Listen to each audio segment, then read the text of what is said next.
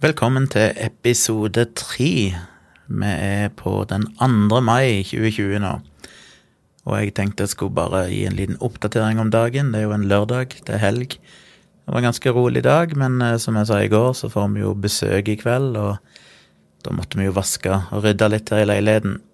Så det ble en litt grundig vask av badet og vaske gulv og litt sånne ting. Og det tar jo tid, selv om jeg egentlig hadde lyst til å jobbe med video. Og jeg har jobba litt med video, men nå får vi jo snart besøk, så jeg rekker ikke å bli ferdig. Men det å lage en video om litt sånn spontant, så tenkte jeg jeg hadde lyst til å lage en video om dette med å tenke som en skeptiker. Jeg skrev et par bloggposter om det for mange år tilbake, eh, og har for så vidt snakka vært innom det i Dialogisk-podkasten sammen med Dag Sørås. Men det er interessant det der med å tenke som en skeptiker, som for meg ofte handler om å, å tenke et steg lenger fram, og ikke bare slå seg til ro med det umiddelbare svaret, det intuitive, det som magefølelsen tilsier. Så den videoen kommer nok i morgen, på søndag. Eh, da tar jeg for meg en del eksempler som jeg mener illustrerer dette med å, å tenke som en skeptiker ved å tenke litt lenger. Men det tar jo tid å lage video. Så jeg har jo spilt inn videoen først. Det ble ganske improvisert. Jeg hadde bare en iPad på fanget med de to relevante bloggpostene, og tok for meg en og en av de poengene og forklarte de så godt jeg kunne. Det går jo relativt kjapt, det blir en halvtimes innspilling. Og så er det en liten grov klipp der jeg går gjennom alt i Final Cut, og klipper ut alt der jeg eventuelt har gjentatt meg sjøl, og ting som ble feil, og, og pauser og sånne ting. Det er grovklippen, og da fjerner jeg ja, tre-fire minutter. Fire-fem minutter, kanskje. Og så går jeg gjennom og tar en litt mer fin klipp, der jeg prøver å i sånn god YouTube-stil å klippe ut det meste av det som er pauser, sånn at ting blir litt sånn kjapt, så kort som mulig. Jeg har jo en tendens til å prate litt for langt, så jeg må liksom prøve å korte ned der jeg kan. Og så merker jeg jo, når jeg ser meg sjøl på video, så merker en jo sånne ting som en ikke var klar over, men som er fryktelig irriterende. Og det er at hver gang jeg jeg lurer på om det er noe med at jeg alltid har vært veldig tett i nesa. Jeg sliter med å puste gjennom nesa. Så jeg må liksom puste gjennom munnen hele tida. Eh, så er jeg åpenbart tørr på leppene eller et eller annet, for jeg merker at hver gang jeg etter hver frase så stopper jeg, puster inn gjennom munnen, som tar et sekund, og så slikker jeg meg på lippene. Jeg merker jo jeg gjør det nå når jeg sitter og prater. Hver gang jeg tar en pause, så slikker jeg meg på lippene. Det er merkverdige greier.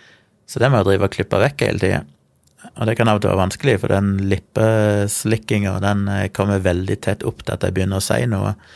Så det er av og til tricky liksom for at ikke den neste klipp begynner med at du ser tunga mi stikke ut av kjeften. Men det tar litt tid, da. Og det er så jævlig kjedelig, for jeg er jo drittlei av alt jeg sier allerede etter å ha spilt inn første gang, og så må du høre det flere ganger. Én gang på grovklippen, og så kanskje et par ganger på finklippen, og så når jeg er ferdig med det, så må jeg eh, fargekorrigere litt, justere litt farger, kontrastlys og sånne ting for å få et fint bilde. Og så må jeg fikse litt på lyden, litt EQ og kompressor og sånne ting.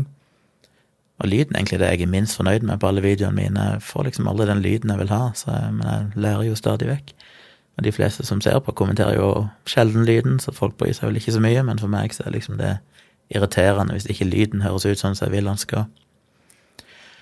Og så kommer det som ofte tar nesten lengst i. Det er jo Jeg klarer jo aldri å dy meg for at jeg må legge på noen sånne screenshots av studier eller bilder som illustrerer det jeg snakker om, bare for å krydre videoen litt.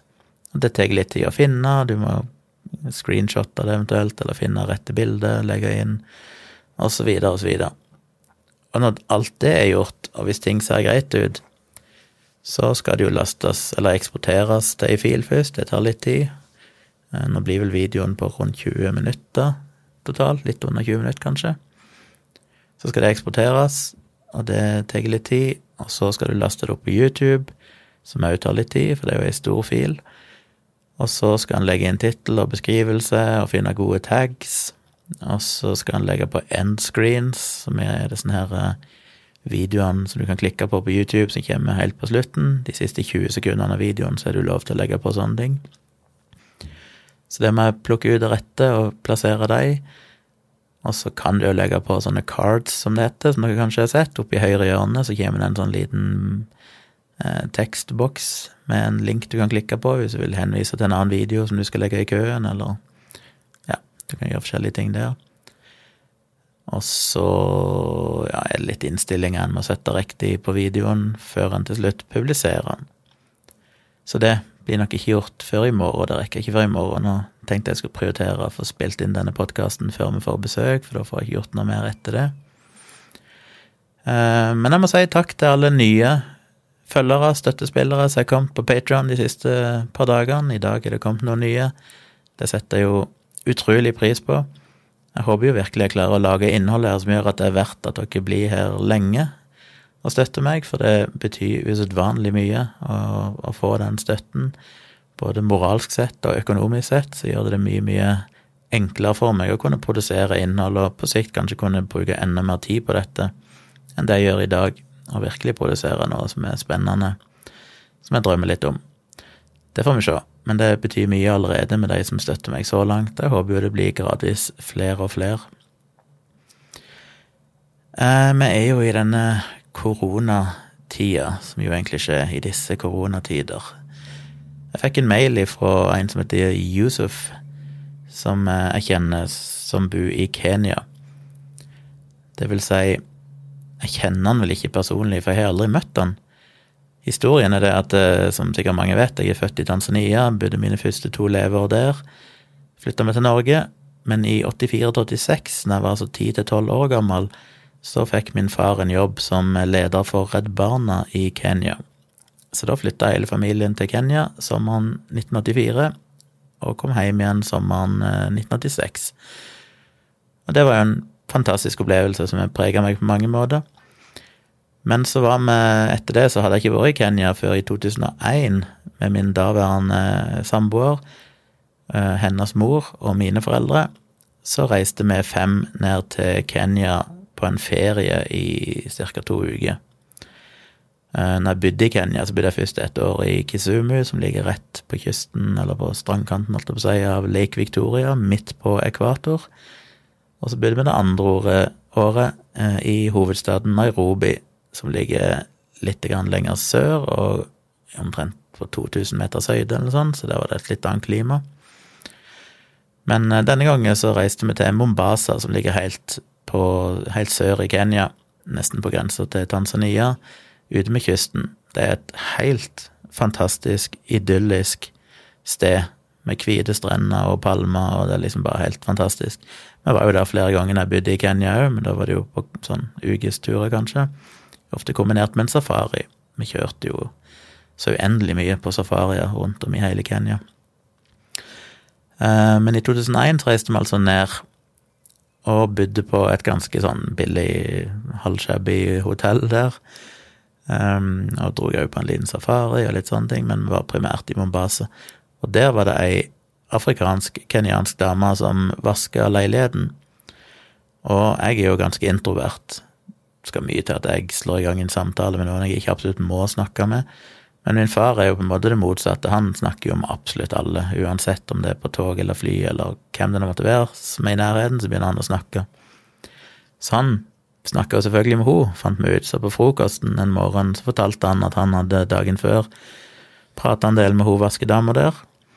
Og hun hadde fortalt litt om sin livshistorie, som var ganske tragisk. Så jeg husker, så var det jo selvfølgelig fattige kår og alt mulig. Men òg det at hun egentlig hadde basically to valg. Det ene var å jobbe der med vasking, som ikke var spesielt godt betalt. Alternativet var å prostituere seg og selge sex, og da visste hun at hun med stor sannsynlighet ville få bli hiv-smitta og få aids og ja, med alt det medfører. Så det var ganske sånn ikke de mest kule alternativene. Og da, når jeg hadde hørt den historien, så greip det meg veldig. Og igjen, jeg er veldig introvert og snakker basically ikke med folk på den måten, men et eller annet i meg som bare gjorde at dagen etterpå, for de gikk og gnagde i meg hele dagen, følte liksom at fuck, jeg må, må gå an å gjøre et eller annet. Så dagen etterpå, når hun hadde vaska leiligheten, så gikk jeg ut i gangen ut forbi hotellrommet og, og sa til henne liksom hei, jeg hørte min far fortalte om deg, og om det var noe vi kunne gjøre for å hjelpe.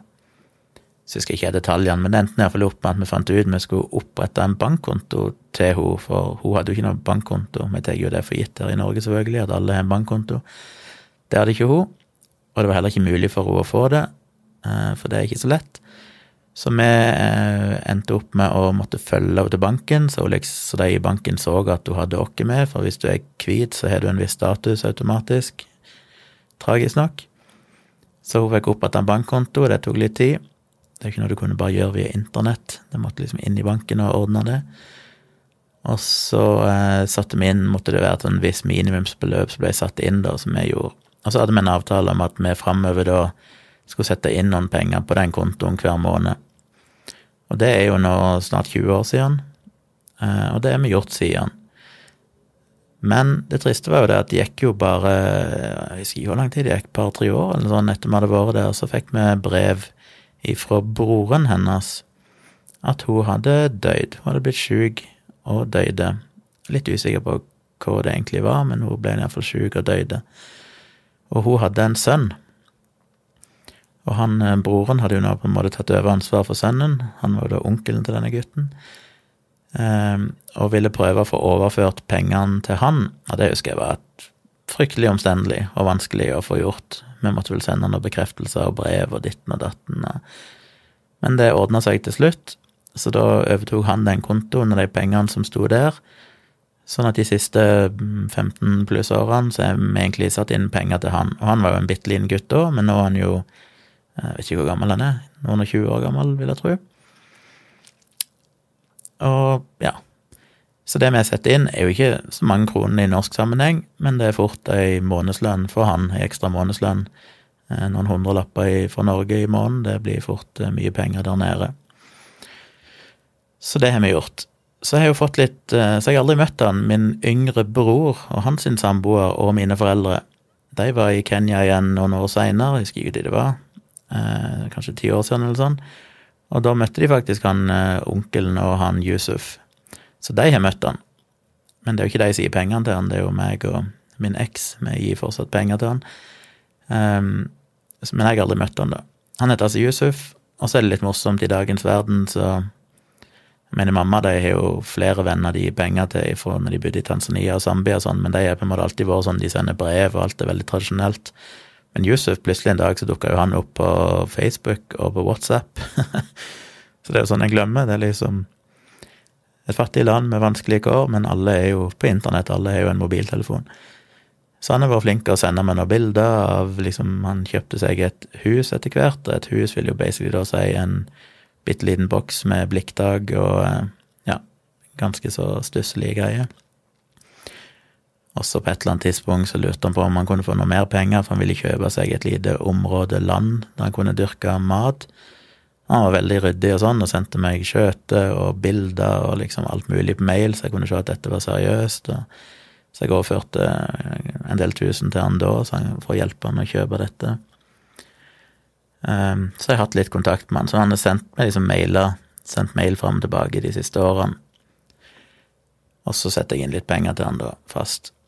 Um, så det var en lang forhistorie. Poenget mitt var bare at han skrev om koronasituasjonen i Kenya, og det er jo litt interessant med hvordan samfunnet er forskjellig. Han sa at der nede så var det håpløst. Han hadde jo selv, han jobber jo på flyplassen i Mombasa som sånn, ja, vet ikke hva det heter, de folkene som springer rundt ut på rullebanen og vifter på fly og sånne ting. Eh, eller bagasje eller et eller annet sånt, vet ikke jeg. Han driver derfor med det, som er fantastisk. At han har en jobb, det er jo bra i seg sjøl. Og så fikk han òg ble han gift for noen år siden og fikk ei lita jente, og så har visst de blitt skilt, og det er alltid interessant å høre hvordan ting foregår. Jeg sitter jo og sender mail og bare sier sånn 'Husk nå å vaksinere pass på at du får alle vaksinene'. Ta vare på henne. Prøv å være venn med eksen din, prøv å ha et godt samarbeid for dattera di sin skyld. Um, fordi det er jo litt andre kjønnsroller og holdninger der nede, så det er greit å kanskje bidra med mine perspektiver. Men det høres ut som det går bra.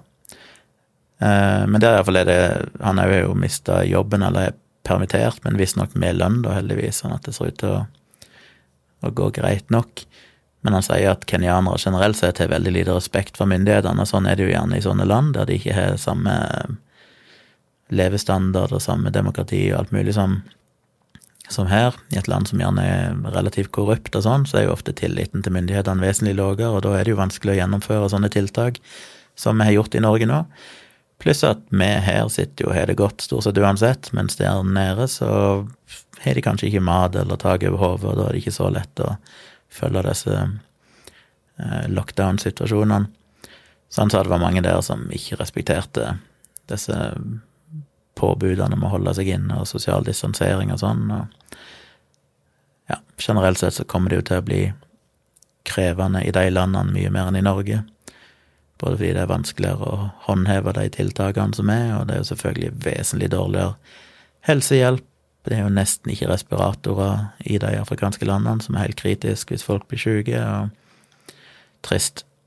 Men det er iallfall hyggelig å høre litt ifra han, og vite at jeg kan hjelpe han litt med å sende litt penger, så iallfall han klarer seg, forhåpentligvis. Ellers så har jeg jo sett uh, meg og samboeren min så uh, sesong to av Afterlife med Ricky Gervais. Likte jo veldig godt første sesong. Likte jo for så vidt andre sesong òg. Um, egentlig ikke noe å utsette på det, annet enn to ting. Det ene er jo, det gjaldt jo første sesong òg, det er jo litt plagsomt hvordan Ricky Gervais alltid må ha en eller annen sånn uh, ateist-rant et eller annet sted i, i manuset vi vet jo på en måte at det er det han står for. Han har jo sagt det i masse videoer, han bruker det jo i standup-showene sine, og så må han liksom allikevel skrive det inn i manuset som om det var han karakteren, det hovedpersonen, som mener dette, og det er litt sånn utslitt, men på den annen side sett så er det jo en fin måte å nå ut kanskje til folk som ikke har hørt det budskapet før. Det er jo ofte gode argumenter som han stort sett har stjålet fra andre, men tar kred for sjøl. Men det er nå greit. Det er iallfall litt sånn Det blir litt sånn på trengende, nesten, når du har hørt det så mange ganger før. Det andre er jo at det føles jo som hele Afterlife er skrevet som da han liksom ønsker å skrive inn den beste versjonen av seg sjøl. Selvfølgelig er jo han hovedpersonen mange karakterbrister, men alt er liksom, uansett hvor grusom og jævlig han er, så er det liksom alltid sukra til med at han egentlig i bånn er en veldig god person og gjør mange fantastiske ting og sier de rette tingene alltid når det virkelig gjelder. Det føles litt som at han skriver inn en sånn person som Det er sånn han ønsker at folk skal skjønne at han egentlig er. Men sånn er det vel ofte når han skriver bøker og manus, at det kan fort bli litt sånn at du skriver deg sjøl inn i din beste versjon, eh, som du ønsker å være, sjøl om du kanskje ikke klarer det i hverdagen. Jeg vet ikke hvorfor det irriterer meg, men det er bare et eller annet med det som føles litt sånn uh, kleint. Litt påtatt, litt eh, ja, ubehagelig. Ellers så driver vi òg og ser på sesong tre av Papirhuset. Eh, hva er dette? La Papel de Nei, La Papel La Casa de Papel. Er det ikke det dette på spansk? Eller på engelsk heter den vel Money Heist, som går på Netflix. Jeg har jo sett sesong én og to før, når de kom. Syns jo det var helt fantastisk bra. Det er jo en spansk serie, så du må liksom lese teksten hele tida, med mindre du kan spansk. Det er litt slitsomt, for du kan liksom ikke se vekk fra skjermen, du må følge med hele tida, men det er nå greit. Det er en utrolig bra historie. Men så hadde ikke Tone, samboeren min, sett det, og så hadde jeg lyst til å se sesong tre, og så kom nettopp sesong fire òg. Men jeg hadde liksom ikke tid til å sitte og se det uten at hun er til stede, så da sa jeg kan vi ikke se sesong én og to, så kan du komme deg up to date. Så jeg har sett én og to nå, sammen med henne, og jeg er litt overraska over hvor lite jeg husker. Det var sånn, Jeg husker jo egentlig ingenting av hva som skjedde til enhver tid, hvordan de løste forskjellige situasjoner, så det var nesten som å se det for første gang. Men nå har vi begynt på sesong tre, og jeg har sett tre episoder eller sånn av sesong tre, og det virker jo veldig lovende fortsatt. Det virker veldig kult. Eh, så ja, det er imponerende hvis de klarer å holde oppe trøkket i sesong tre, og til og med i sesong fire. Sesong én og to henger jo sammen, det er jo sannsynlig skrevet som ett sammenhengende manus, bare delt opp i to sesonger. For sesong én slutter jo ikke, men det gjør jo på en måte sesong to. Um, så jeg er litt spent på om sesong tre og fire òg henger sammen, eller om de er uavhengige av hverandre. Time will show. Men det er iallfall en serie jeg anbefaler på det varmeste på Netflix. La Casa de Papel, eller Papirhuset, eller Money Heist. Alt dette er et språk som dukker opp. Folk får det av en eller annen grunn på forskjellige språk, virker det som. Hos meg så står det på spansk. Eller står kanskje på norsk òg, jeg tenker meg om tittelen er kanskje på norsk. Ja, anyway. Så det var mine anbefalinger.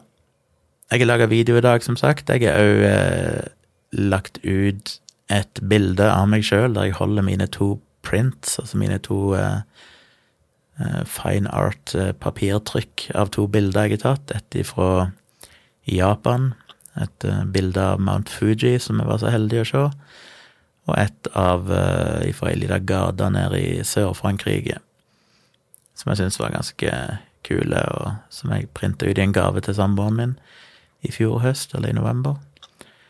Så det kan dere ta en kikk på der, og sånne bilder går det altså an å bestille av meg hvis dere finner noe fint inne på civics.photo, der dere kan se de andre bildene mine.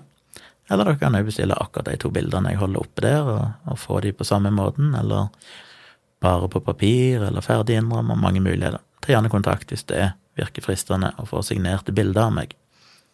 Pris får vi se litt på, det kommer veldig an på papirtype og alt mulig sånn, men dere skal nå få en pris hvis dere tar kontakt og spør om det.